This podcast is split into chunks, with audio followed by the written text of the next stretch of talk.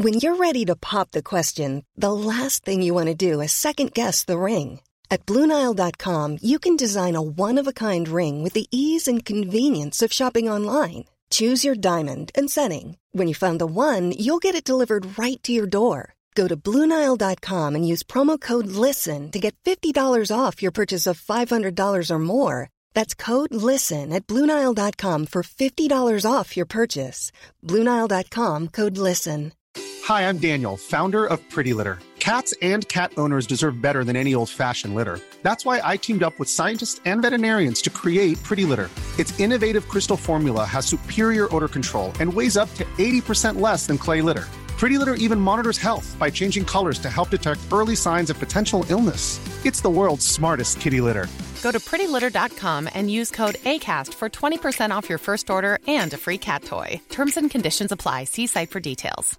Quality sleep is essential. That's why the Sleep Number Smart Bed is designed for your ever evolving sleep needs. Need a bed that's firmer or softer on either side? Helps you sleep at a comfortable temperature? Sleep Number Smart Beds let you individualize your comfort so you sleep better together. JD Power ranks Sleep Number number 1 in customer satisfaction with mattresses purchased in-store. And now, save 50% on the Sleep Number limited edition Smart Bed for a limited time. For JD Power 2023 award information, visit jdpower.com/awards. Only at a Sleep Number store or sleepnumber.com.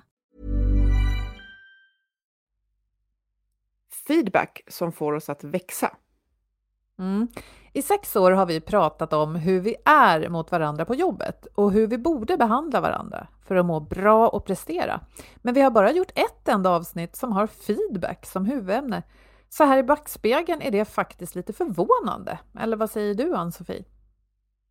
Ja, därför att de allra flesta organisationer är i behov av utveckling och förbättring och feedback. Det syftar ju faktiskt till att vi ska växa och eh, utvecklas. Så att vi mm. behöver verkligen eh, prata om det och eh, göra det. Mm. Och trots att det är så viktigt för de flesta av oss, jag skulle säga alla, att få beröm för det vi gör bra och vänlig hjälp med det vi behöver förbättra, så är det här med feedback ändå rätt svårt och ganska lätt att glömma bort i vardagen tycker jag, särskilt om det är stressigt. Vad tycker du?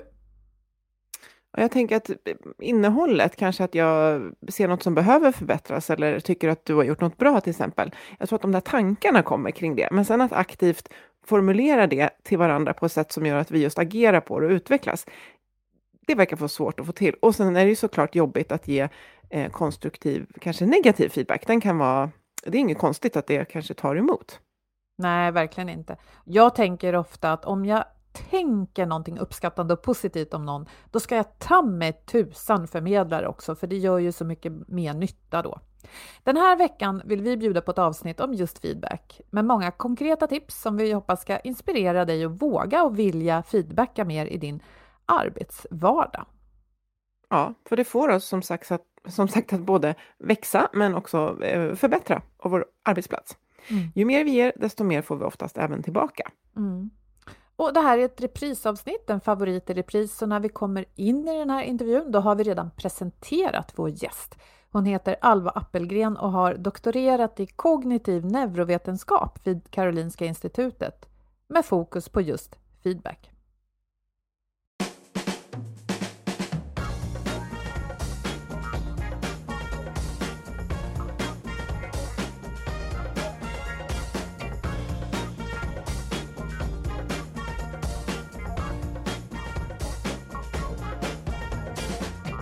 Och det här är Health for Wealth och i sex år har vi poddat om hälsa på jobbet eftersom människor som mår bra, de kan prestera bra.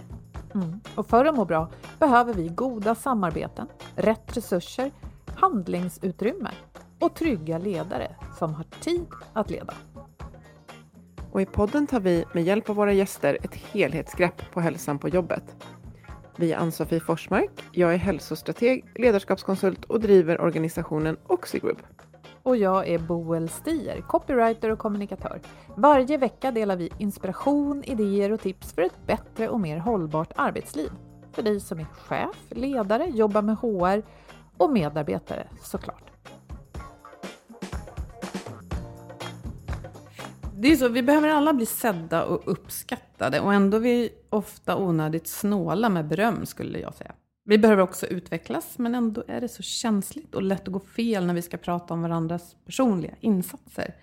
Vad finns det för bra sätt att jobba med det här, Halva? Mm.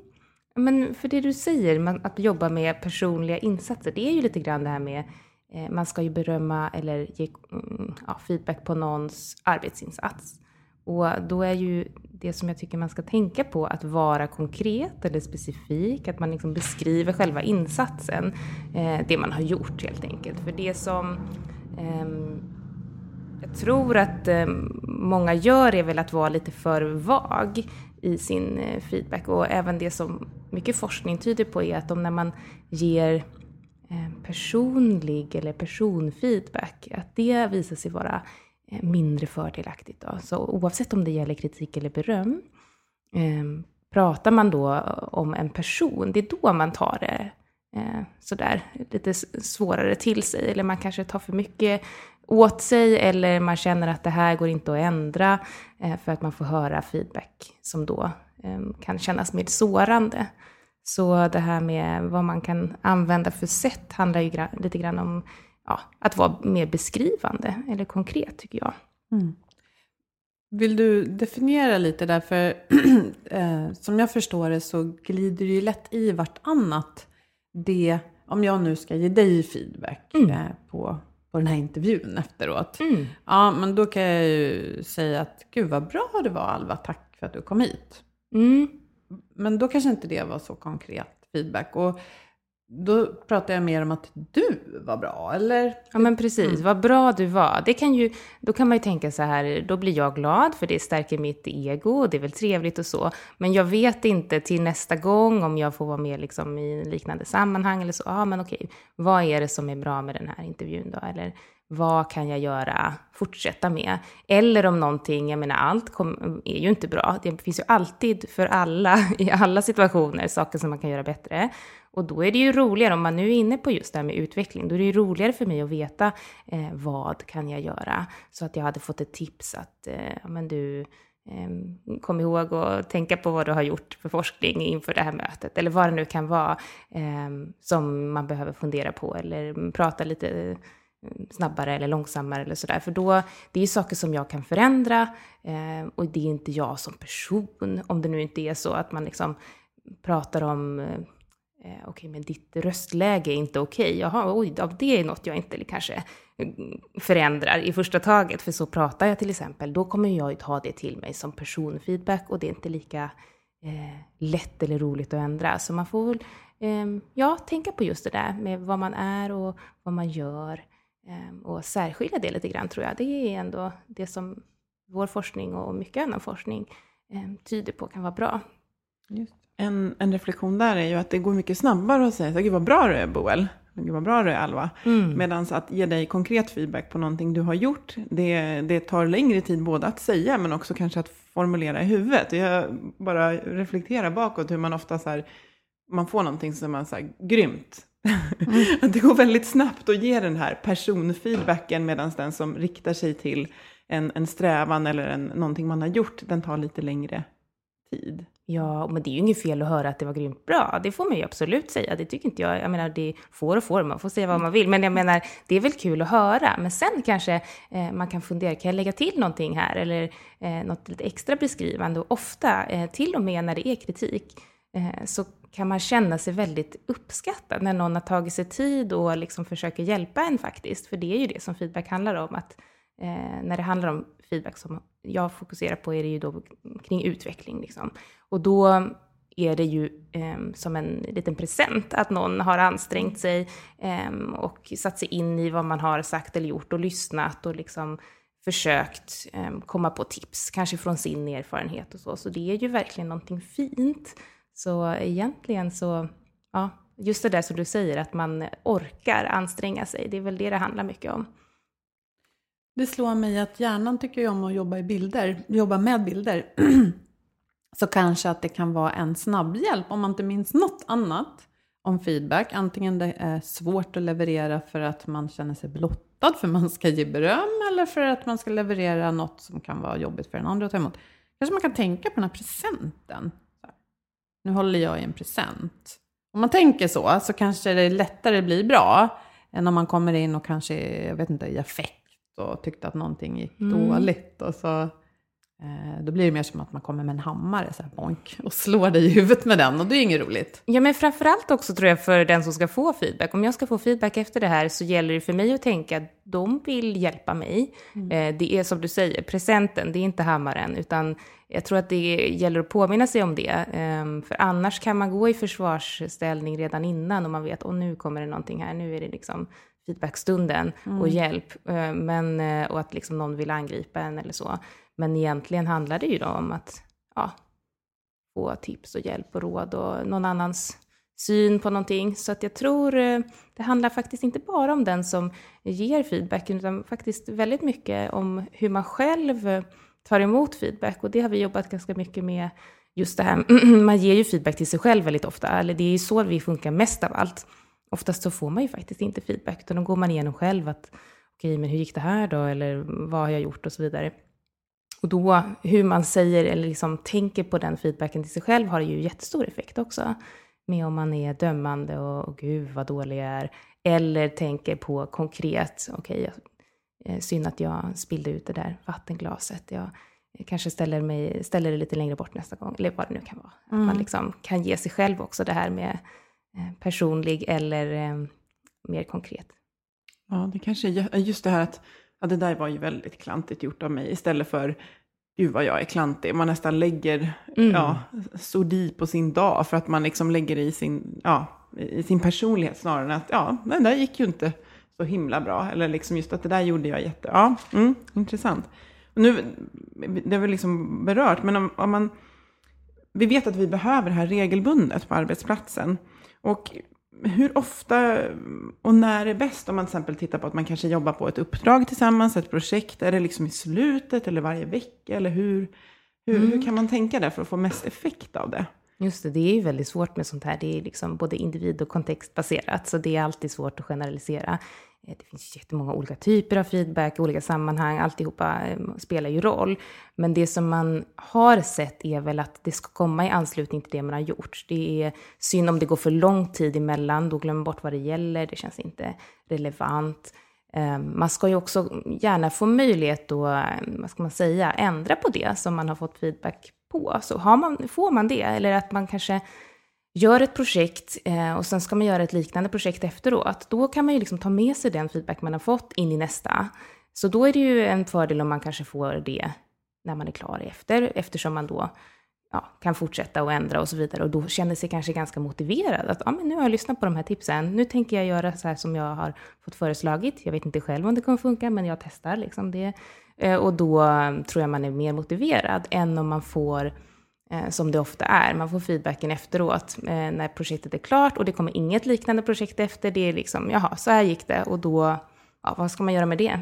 det Då blir det ju mer som en, en bedömning eller någonting och det är inte lika användbart i utvecklingssammanhang. Så, och även det här med att Ehm, ja, löpande säger man ju. Ehm, då gäller det ju att hitta tid för att göra det. De flesta som får höra det säger ju att vi hinner inte ge massa löpande feedback hela tiden. Hur ska vi få in sådana möten eller träffar? Men det handlar ju inte eh, om, ja vad ska man säga, det tar inte jättelång tid att säga någon liten mening eller ehm, ja, men bara ge någon eh, kommentar på arbetet som går eller bara uppmärksamma att man vet att någon jobbar på. Så, så tror jag inte man kan ursäkta sig med att man inte hinner ge feedback som många säger. Kontinuiteten där känns ju väldigt viktig. För jag menar, vi pratar om arbetsplatsen. Vi är på vårt jobb under längre perioder, oftast i alla fall. Och vill vi utvecklas tillsammans, då är det ju smart att ta med sig det som du säger. Att ja, om jag nu ska utveckla någonting så kan jag ju få en chans till nästa gång vi stämmer av, har feedback, utvärderar projektet eller vad det nu är. Så att jag också kan få säga, men kolla nu jobbade ju jag på det här. Och och då får man också tillfälle att berömma arbetsinsatsen. Som det, jag, det som jag har tagit med mig när jag har lyssnat på dig tidigare. Mm. I eh, Kropp och själ tror jag det var. Mm. Ehm, nej men det här att, kan inte du berätta lite mer om det? För du har ju studerat vad som händer i hjärnan med magnetkamera, eller hur? Mm, ja, men precis. Det var en eh, studie, eller en imaging-studie som man säger. Och då tittade vi på två olika sorters beröm. Eh, vi hade valt ut de här typen, eller sorterna av beröm, för det ena skulle handla om att man då, eh, du är smart. Så skulle man då jämföra det med att man väljer rätt i en uppgift. Och den här, man ska ju liksom ha, ja, vi hade en uppgift som handlade om att välja olika saker. Så det, det mest konkreta vi kunde komma på var då att säga då just att, eller ge feedbacken man hade valt rätt. Det var ju i princip bara att säga rätt. Och det är ju lätt för hjärnan att förstå. Det är liksom det mest simpla, det mest konkreta. Är det rätt eller fel det jag gjort i det här fallet då? Får, får jag bara Medans- fråga, ungefär som en flervalsfråga? Ja, när det var, hur ska man säga, man skulle välja olika symboler, så gick man vidare, så kom nästa, eh, det visades lite bilder, så skulle man välja, eh, man lärde sig om man skulle trycka höger eller vänster. Det var ganska simpelt, eh, själva uppgiften. Eh, men om man då tryckte höger och egentligen skulle trycka vänster, så var det antingen då, ja då var det fel till exempel. Men när det var rätt då, så fick de olika beröm då, och den här, när man har tryckt höger, och det skulle vara höger, och- då fick du är smart, då är det ju, ehm, det är ju lite mer komplext eh, och det är lite mer vagt. Vad- Jaha, jag är smart för att jag tryckte höger. Eller liksom det, um, och det laddar ju på själva egot och liksom ens eh, person. Så vi vill jämföra, är det så att människor då reagerar olika när man eh, får det här personfeedbacken jämfört med det mer konkreta. Och då var det så att vi kunde se det eh, även då i, i hjärnan, eh, att det skilde sig åt i aktivitet. Men vi kunde också, Ehm, personerna som deltog i studien tyckte också, eh, upplevde den här liksom inlärningsmomentet och den här uppgiften de skulle göra olika då. Så de, när man får höra det här att man är smart, då eh, tyckte de här personerna i studien att det var mer stressande. Eh, och de var inte lika motiverade att fortsätta. Ehm, ja, och det kan man ju tänka sig har att göra med just det här att ehm, det väcker så mycket tankar. Är jag smart eller inte? Och ehm, att man måste översätta det. Ja, men precis, jag har gjort det här. Ja, just det, det betyder ju egentligen att jag gjorde rätt. Eller att det liksom blir... Det väcker så mycket mer och det är det jag tänker också med att man liksom, eh, om man är vag eller ehm, inte, och just det här med personfeedback, då funderar man över annat än det som man, den här arbetsinsatsen som, som ni pratar om, det, eller det man faktiskt har gjort i det här fallet, så hade man valt någonting. Ehm, så att det är ju egentligen väldigt irrelevant att prata då om ens karaktärsdrag eller liksom ens personlighet när det är sådana här enkla saker som man dessutom kan ge väldigt konkret feedback på. Så det tycker jag den studien visar väldigt tydligt och som man kan ta med sig att det, det verkar vara eh, mer positivt när man får den mera beskrivande återkopplingen. Jag, tänk, jag tänker att man skulle behöva öva på det. Jag tänker så här, när man gick i Mm. skolan och skulle kategorisera ord, liksom verb och adjektiv och så här, att man, eh, man skulle kunna kasta upp så här, vad brukar vi säga? Vi brukar säga du är bra, det där var, och, och så, så ska man öva på att göra om det till eh, feedback som sker i nära anslutning till det man gjort, men också konkret riktat. Att vi kanske behöver, kanske behöver öva på det. Vi behöver liksom workshoppa lite. Hur, vad, vad tänker du runt det? Att vi, Ja, för att eh, ändra beteende till det här konkreta. Så. Precis, eh, bara för att jag forskar på det så är det inte så att jag behöver öva på det själv heller, utan jag övar på det. Man måste påminna sig hela tiden. Och då slänger man ut sig bara, åh jättebra. Och sen ehm, får man lägga till kanske det man tänkte, gud vad var det nu då som jag tyckte var extra bra. Och då, som ni sa tidigare, så kräver det ju lite extra av en. Man funderar, vad var det egentligen som var så där speciellt bra? Ja, men det var de här sakerna faktiskt som jag tog med mig. Så att det, ja, man får nog vara lite mer eftertänksam, eller vad ska jag säga, eh, som du säger, öva på att ehm, ja, komma på lite mer. Eller vad man ska säga. Man behöver inte ge det, man ger ju det på sitt vis. Och det handlar ju om vem, vilken person man är och vem man ger det till och så vidare. Så folk brukar fråga, "Ja, men ska man linda in det i när man ger kritik eller ska man vara liksom mer eh, rakt på? Och det där har ju att göra med vem man möter. Så att jag tror att vi är ganska bra på eh, att anpassa oss eh, till den vi pratar med och använda det språket och det, ja, men det sättet att prata på. Och då bara tänka att okej, men jag lägger till lite mer beskrivning här om jag kan. Och då blir det ju som den där presenten. Ja, jag tänker också att det ligger hos mottagaren. Att jag, att jag också får, får, får kanske några frågor som jag vet att, ja, om du säger men det var bra ut, men kan du, berätta, kan du beskriva att det ligger hos mottagaren också, att be om mer så här konkret. Men vad var det som var bra? Att man, liksom, man rustar båda parter. Man rustar i hur man ger feedback och man rustar i hur man tar emot. Och att man lär sig att när någon säger så här, jättebra, så kanske inte varje gång, men så, så har vi på den här arbetsplatsen diskuterat att då ska vi också ställa en följdfråga, men kan du berätta vad det var som var bra? Mm. Och så börjar man liksom, Mm. det bara skenar mina tankar Mm. iväg. Men den, Ja. liksom, Men ja. jag gillar den här tanken just att vi tänker just det som en present, bara för att eh, liksom bildsätta att här ska finnas en välvilja, vi ska bygga varandra som grupp. Och nu tänker jag liksom att jag är på arbetsplatsen då.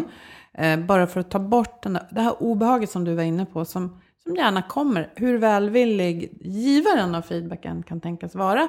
För att vi är väldigt duktiga på att leta fel, som du sa. Vi har ju den här rösten inom oss också, som ofta kanske klandrar mer än berömmer tyvärr. Mm. Men om man börjar, man, jag tänker att man skulle kunna hitta en form, för jag är själv på jakt efter en sån form. Jag tänker att det här är en present och, och, och då kan man ju liksom referera till den här presenten också. Åh, men tack för att du tyckte jag var grym. Men åh, jag skulle vilja ha lite mer present, har du tid med det? Alltså, jag vet inte, jag gillar att tänka i bilder på det sättet. Och då kanske du säger, åh, men får jag tänka igenom lite, nu, nu måste jag rusa iväg här, men jag vill gärna konkretisera det, kan jag återkomma? Jag tänker bara att man lyfter upp att den här konkretiseringen och detaljerna behövs, kan vara ett steg att faktiskt bli bättre. Ja, men precis. Jag tänker på det när jag föreläser så är det ju kanske någon kommer och säger, ja men bra, jättebra föreläsning. Och då så eh, kan ju jag säga efteråt, ehm, ja men var det något speciellt som du tog med dig? Eller ehm, vad kommer du ihåg? Det är kul för mig att veta. Eller liksom bara någonting. Eh, för det behöver inte kännas, jag vill liksom inte, hur ska man säga, det är inte att man vill att någon ska smöra mera och säga ja, men, ja det var så bra när du tog upp det. Eller hur ska man säga, mer av intresse för att man faktiskt ska kunna göra någonting mer. Och då handlar det ju även om, det här är ju beröm, det är lite lättare, men kritiken är ju också så ehm, att man ska beskriva. Och ofta när man gör på det sättet så känns det nästan inte som kritik. För då eh, kan man nästan ta det i samma veva, ehm, det man har tänkt på och som man tog med sig. Och, och just det, men pausen, den var ju så himla kort där så vi hann inte få ställa några frågor. Och då kommer det fram, eller liksom, ja, vad det var som man kan ändra. Så, så, jag att tror- du kan utveckla dig utifrån att du fick det där berömmet, så kan du också Ja. få med dig sånt som man vill ha mer av. Mm, precis, men eh, jag tror, ja, det hänger som ni säger på den som tar emot väldigt mycket. Och det är ju det är svårt att be om det på det viset, men om man ser det som en konversation så tror jag det är, är lite lättare. Då, då sker det naturligt ofta, när man pratar lite mer om det. Men säger man bara något kort och försvinner och säger hej då, då är det klart, då kommer det inte hända så mycket mer. Och det är väl det som är det här med människor säger att man har inte, lägger inte tid till det. Och då är det ju de där extra minuterna då, när man då får tänka efter vad det var. Så att jag tror, eh, ja, lite mer tid kanske. Jag, tänker vi, jag upplever i alla fall att vi blir bättre och bättre på att utvärdera i arbetslivet och i olika sammanhang. Och att eh, vi blir mer och mer vana vid det som form för att blicka lite tillbaka, ta med oss lärdomar. Då kan man ju väva in feedback där också. För ofta pratar man kanske hur gick projektet och vad stötte vi på för hinder och vad var framgångsfaktorer. Det är ju som en, som en stor feedback som inte är personriktad. Nej, precis. Och då pratar man ju kanske i gruppen och så vidare. Och även om kanske vad vi har gjort, då blir det heller inte de här personangreppen så mycket. För det, det är väl också det, aha, ska man ge det liksom i sitt team eller ska man eh, ta det två och två eller hur man gör. Men jag tycker man kan tänka då att är det så att man har jobbat ihop och det är någonting man lär sig utav, så tar man upp det, men mer generellt. eh, att ja, vad ska vi ta för exempel? Ja, men att det gäller ju liksom inte en viss person, utan vi behöver alla tänka på de här, de här grejerna. Och sen kanske det, eh, vad ska man säga, vissa tar till sig det extra mycket för att man kanske har märkt att, ja men just det, det glömde jag och så vidare. Men jag tänker det här som en del företag har, att man ger eh, kritik och feedback som är till en person, men man ger det i en stor grupp. Det är ju väldigt obehagligt och det är ju många som, som jobbar på det viset för att man nästan vill, ska man säga, skrämmas lite grann. Att eh, okej, nu har vi det här mötet när vi eh, någon ska få det här, det, du har gjort exceptionellt bra jobb och någon ska få eh, något dåligt. Och det är ju, ja, det är precis den personfeedbacken som är svår, men också när man får det inför andra på det viset så eh, ja, får ju det effekten att man ja, arbetar i, skräck för att eh, få kritik. Och då har ju inte feedback den där presentkänslan direkt. Nej. Så att det handlar väldigt mycket om hur, hur man gör det här. Men finns det en anledning då kanske, om man är chef eller ledare framför allt och iscensätter de här eh, situationerna, att tänka att det positiva, det ger grupp. För jag vill ju, om jag ska ge det något positivt så vill jag att alla ska få ta del av det. Medan om jag har något mer utvecklande, alltså Mhm. att det finns grejer du kan jobba på, så kanske vi tar det mellan fyra ögon. Ja, eller jag tänker faktiskt inte det här med positivt och negativt så mycket, utan jag tänker snarare att om man... ehm, ehm, ja, om man är en grupp så ska det gälla hela gruppen, men om det är, jag menar om man jobbar på en restaurang och har glömt, eller det råkade komma folie i maten, och då är, behöver man ju ta det med den personen kanske, att, men eh, inte inför alla, det spelar väl ingen roll liksom. Eller så gör man det i gruppen att, eh, just det, kom ihåg eh, det här med, gud det är lätt att det slinker ner folie, ehm, kolla en extra gång, men då behöver man inte peka ut någon. Eh, så jag tänker snarare att det är det, oavsett om det är kritik, och även beröm faktiskt, för det kan bli lite mystiskt när en person får beröm, det kan bildas avund och det, eh, hur ska man säga, man, någon får mm, beröm för att den har gjort exceptionellt bra jobb och sen så kämpar de andra på där också i projektet och då får man inte höra någonting.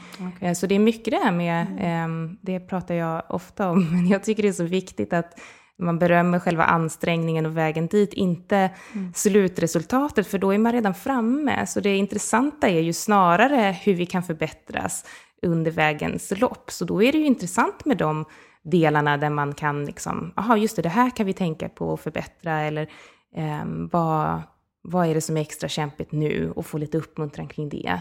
Så att man, ehm, kan säga, feedbacken handlar om att och bry sig om när alla har, jobbar i motvind, eller vad man ska säga. För ofta är det så att när det går bra och någon kämpar på så får den aldrig höra någonting. Eh, Och det är väl just det som är, jag tror att på medarbetarundersökningar märker man av att nej, jag får ingen feedback eller sådär. Och då är egentligen betyder det bara att allt går bra. Men det är inte så kul. Man För då- glömmer bort att uppmärksamma varför det går bra tills det inte gör det längre. Ja, precis. Och vad, vad händer då när vi, när vi inte får feedback utan så att säga jobbar i ett vakuum? Vad händer med vår, om vi kopplar det till arbetsplatsen, prestation och ja, hur vi mår? Ja, men eh, man blir ju osäker om man inte vet eh, vad någon tycker om. Men det handlar ju om dels både när man kommunicerar men också på en arbetsplats. Att då måste man ju hitta på själv vad man tror att någon annan tänker och tycker. Och ofta när man eh, gör det så, ja, man kan ju bara hitta på utifrån sitt eget perspektiv. Så dels är det ju inte så utvecklande för att man får sin syn och ofta är det lite mer kritiskt. Man ser vad man har gjort för, som inte är så bra. Ehm, den där berömmen som man då ska ge sig själv, det kanske inte blir lika lätt att göra det. Så när man eh, jobbar i det här vakuumet som ni säger så mm, blir det svårare och man blir, ja, mm, osäker. Och ehm, det är svårt att eh, få den där uppmuntran och kicken för att fortsätta. Um, och sen tänker jag också att, som jag sa tidigare, om man då ger sig själv väldigt dömande feedback så är ju inte det så kul. Och heller inte um, ja, så bra för utvecklingen då. Eh, Jag tänker om, om man är chef återigen, kan man ge för mycket beröm? Jag vet faktiskt inte. Det har inte jag studerat eh, för mycket. Man kan, ja, det som finns i studier är att man kan ge överdriven beröm och att det inte får positiv effekt. Eh, Jag tror att de har tittat på ja, när man säger att det, man lägger många sådana här fantastiskt och, och sånt, lägger in det, så blir det inte en extra effekt utav det positivt, utan då räcker det med att säga, ska man säga, lite mer ärlig och genuin eh, beröm.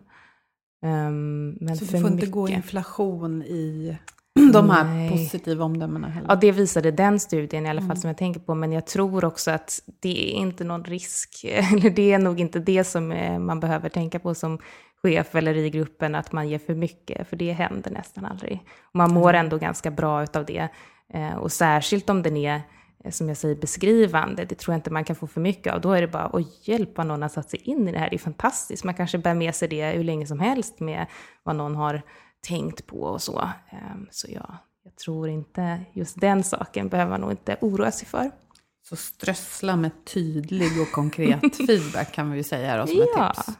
Mm, I tid, liksom. Ja. Ja. nära. nära. Ja. Jag, jag bara gjorde en liksom reflektion där, just att om man inte har fått feedback på någonting, så, så beroende på hur man är lagd, så kanske man tänker så att ja, det där gick tydligen inte så bra, jag kanske inte gjorde så bra ifrån mig. Och så är det bara någon som har missat att ge feedback, och så går man och har byggt upp en negativ känsla eller byggt ner sin grop, hur man nu ser på det. Och sen kommer feedbacken senare, bara du det där var ju så himla bra. Hur den landar hos individen blir ju också olika. Liksom på, mm. För då blir, då blir det nästan som en lättnad, att oj, det var inte så illa. Istället för att hade man fått en närmare prestationen kanske hade nått högre liksom, i, i min utveckling och um, vad jag hade kunnat agera på utifrån den feedbacken. Kommer mm. den för långt senare så blir det mer, jaha det var bra att det inte var.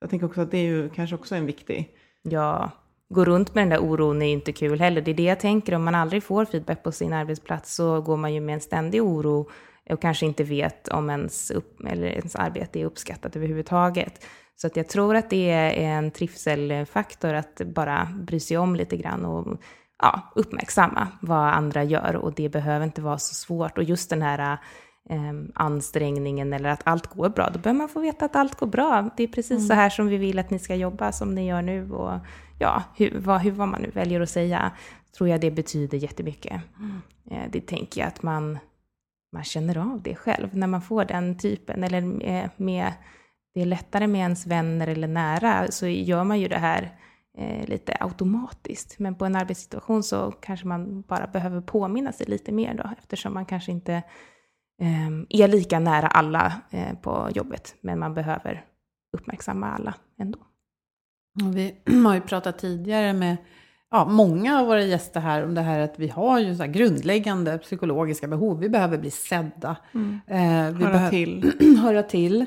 Men också ha ett visst mått eh, av autonomi. Alltså att vi faktiskt kan påverka saker och ting. Och det kopplar jättebra till det du har sagt här. Mm. Vi behöver få höra någonting om det jobb vi gör. Eh, men om man bara pratar om personliga egenskaper som att ja, men du är ju så bra och du är ju så smart eller du är ju inte så utvecklingsbar för den delen ja, men då, är, då är det inget jag kan förändra. Nej. Och då kommer det här med autonomi och inflytande in. Att, men om jag då ger dig feedback som ger dig möjlighet att jobba vidare. Mm. Och nästa gång visa, men kolla nu har jag jobbat med det här. Då har jag också kunnat mm. äh, agera självständigt. Mm. Ja, på något sätt knyter jag ihop det. Ja, det är ju det som är feedback-syftet, eller man ska säga, att mm. man ska mm. kunna förändra någonting till, eller behålla någonting till framtiden. Ja. Om man inte har det där framtidsperspektivet då, att man får möjligheten, då känns det inte så nödvändigt att ge feedback. Så pratar man väldigt mycket om det i utbild eller, ja, utbildningssammanhang, att man liksom måste få möjlighet att göra om eller rätta till och så vidare på prov och sånt. Och det är ju samma på en arbetsplats, att man mm. måste få möjlighet att visa att man har förstått det som någon har sagt. Att man har tagit in det och det är väl feedback i sig på att, eh, vad ska man säga, jag hörde det som du tog upp här och kolla, nu har jag lyssnat på dig och jag har testat och hur blev det då? Ah, och då får man feedback igen. Och, ah, men mm. ni vet, lite mer löpande då åt, åt båda hållen. Mm. Kräver dialog och kommunikation och, och tid för det, mm. tänker jag mm. när jag hör dig, när jag hör dig beskriva. Mm. Ja, jag tycker att jag hör begreppet växande feedback eller växande beröm ofta. Och jag har kopplat det till det jag har hört dig prata om också. Och det, det är väl det här just att man pratar om arbetsinsatsen och eh, ger feedback som just ger dig möjlighet att utveckla någonting. Ja, men jag brukar koppla ihop um, vad vi säger och berömmen man får och så med också vad man har för liksom, inställning till det här med lärande och utveckling och så. Och då kan man väl säga att får man sån sorts eh, beröm som har att göra med vad man är och, och det med personen så um, blir det um, ett tankesätt som att man på något sätt, det här är jag kan ändå inte ändra det, det är liksom hopplöst läge. Eller att uh, åt andra hållet, yes jag är sån här, det här är liksom den fantastiska kunskap jag har och då kanske man inte fortsätter att öva på det och istället då inte utvecklas. Så det är just det här att låsa sig själv, eh, eller som man säger då, få ett statiskt mindset, det hänger ju samman med just den typen av beröm, eller den, den forskningen har vi hållit på med lite grann med och um, det kan man säga är lite grann det nya inom det här, för att eh, man har inte riktigt förstått hur, hur skapas de här sätten uh, som vi dömer oss själva på, just, uh, ja, både den här feedbacken man ger sig själv och, och, hur man ger andra. Och det har ju mycket att göra med hur man ser på det här. Kan man förändra saker eller inte?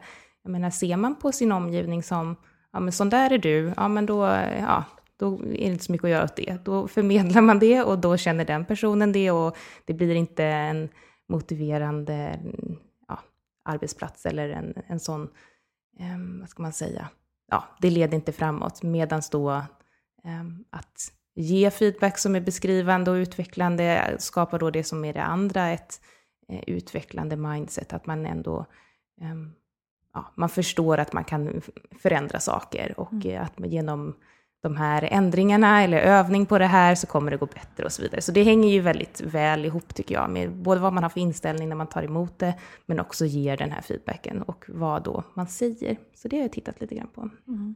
Och det låter som en mycket roligare inställning också om, om det mesta är möjligt. Då är det roligt att jobba. Om mm. allting är pre, ja, bestämt på mm. förhand och fixt, ja, vad är det då för idé att göra någonting nästan? Nej. Men jag tänkte på en annan sak. Jag har fått lära mig en, eh, någonting som kallas för jag-budskap. Det här att man sorterar Ja, men till exempel då, om, om, om du skulle komma sent, Annie, så kan jag säga till exempel att ja, det, det är så himla arrogant av dig att stövla in så här fem minuter efter utsatt tid. Det, det kan jag välja säga. Eh, då har jag bestämt mig för att du var arrogant när du stövlade in genom dörren. Men jag kan också säga, eh, när jag märker att du kommer sent, och det kanske händer ofta, eh, då blir jag väldigt stressad. Och här sitter jag med Alva och, och, och liksom känner mig lite övergiven. Skulle vi kunna ändra på det? Mm. Alltså att man skiljer på att jag inte försöker tolka varför du gör något eller hur du känner dig, utan jag bara berättar vad jag iakttar och sen vad, vad, det händer, vad som händer i mig mm. och mina behov. Mm. Och att då blir det lättare både ge och ta emot. Är det här någonting du tycker är bra? Liksom, rimmar det med din forskning? Vad tycker du? Ja, men det som jag gillar med den modellen är väl att eh, ja, man, in, man fokuserar inte på eh, jaget så mycket. Eller jo, man gör ju det ändå. Eller kan du beskriva igen förresten? Ja, jag, jag försökte måla upp en, en, bra bild här, men den var eh, improviserad. Men istället för, alltså, jag, jag ska då inte tolka jag, om jag säger att du är arrogant, då har jag ju bestämt någonting om ditt känsloläge, din intention och din motivation. Men det kanske var så att du hade en hemsk morgon när det hände massa saker som kan förklara det här. Om jag istället berättar att nu blev jag lite stressad mm. av ditt beteende som jag kunde iaktta. Och sen lämna liksom en öppning att kan vi göra något åt det här? Eller hur kan vi göra något åt det här? Mm. Så blir jag också lite vänligare. Jo, ja, men just det. det som, åtminstone var det att man fokuserade på det man gjorde, eller ditt beteende, att du kom sent då. Det var mm, inte mm. att du är en um, slarver, mm. sa du ju inte. Så jag menar, det är väl, rimmar väl med det som jag har forskat på då, att åtminstone beskriva själva händelsen, för att det är inte eh, som person man behöver ta åt sig det, utan det är någonting man kan ändra.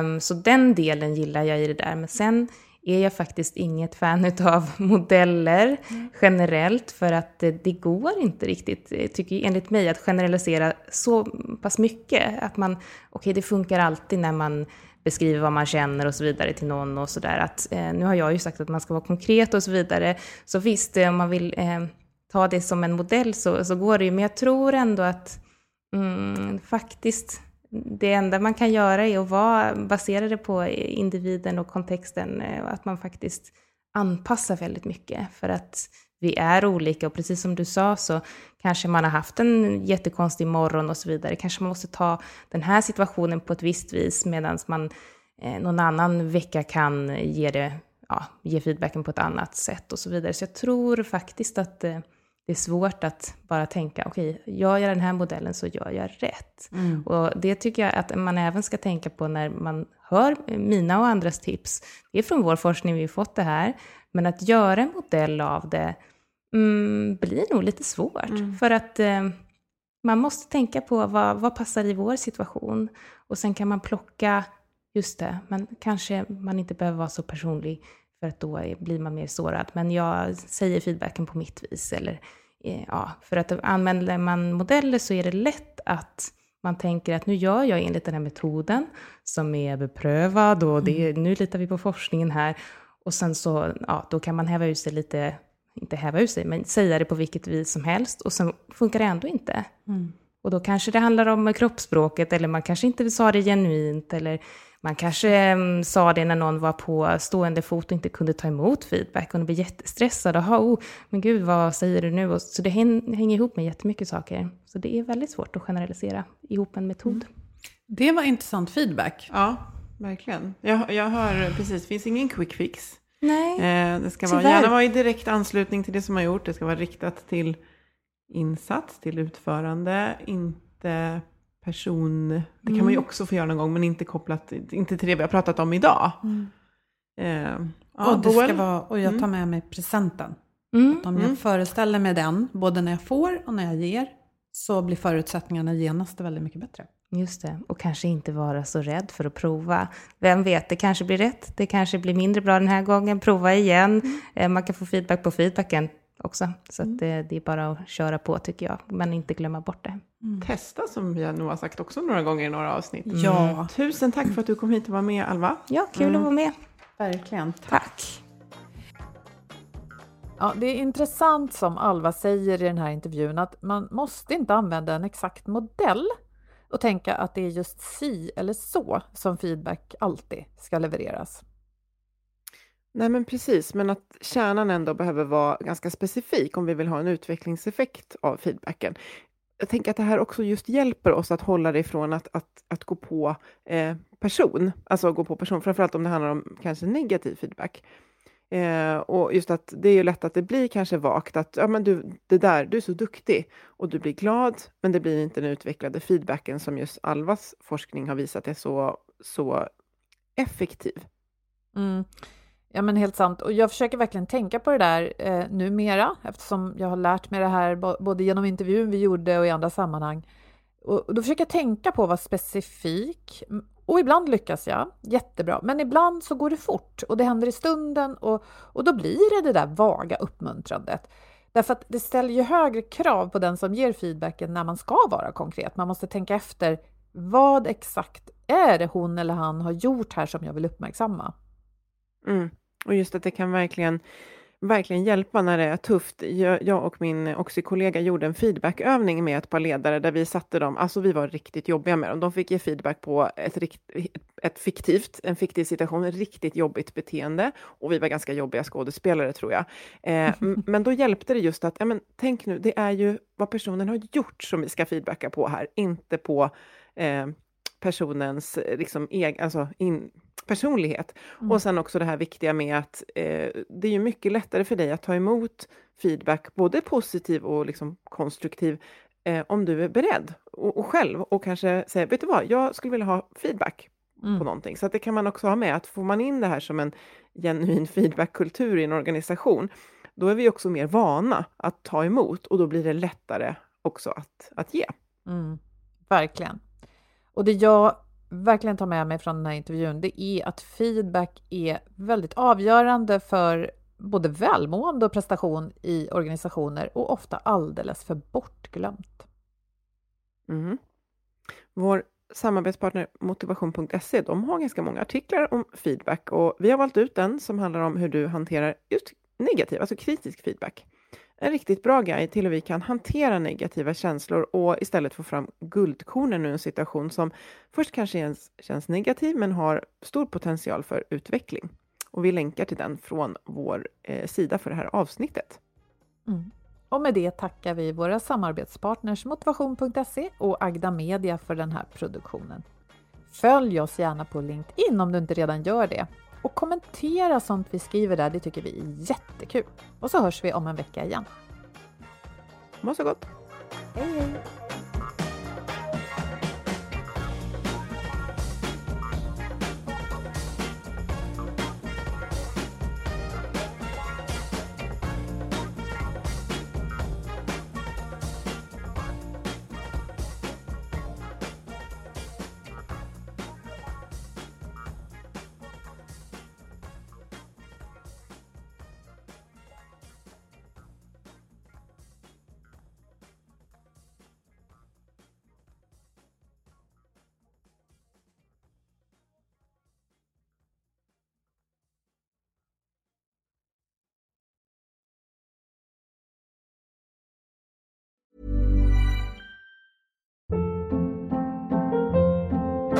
Hold up. What was that? Boring. No flavor. That was as bad as those leftovers you ate all week. Kiki Palmer here, and it's time to say hello to something fresh and guilt-free. Hello Fresh. Jazz up dinner with pecan-crusted chicken or garlic butter shrimp scampi. Now that's music to my mouth. Hello Fresh. Let's get this dinner party started. Discover all the delicious possibilities at hellofresh.com.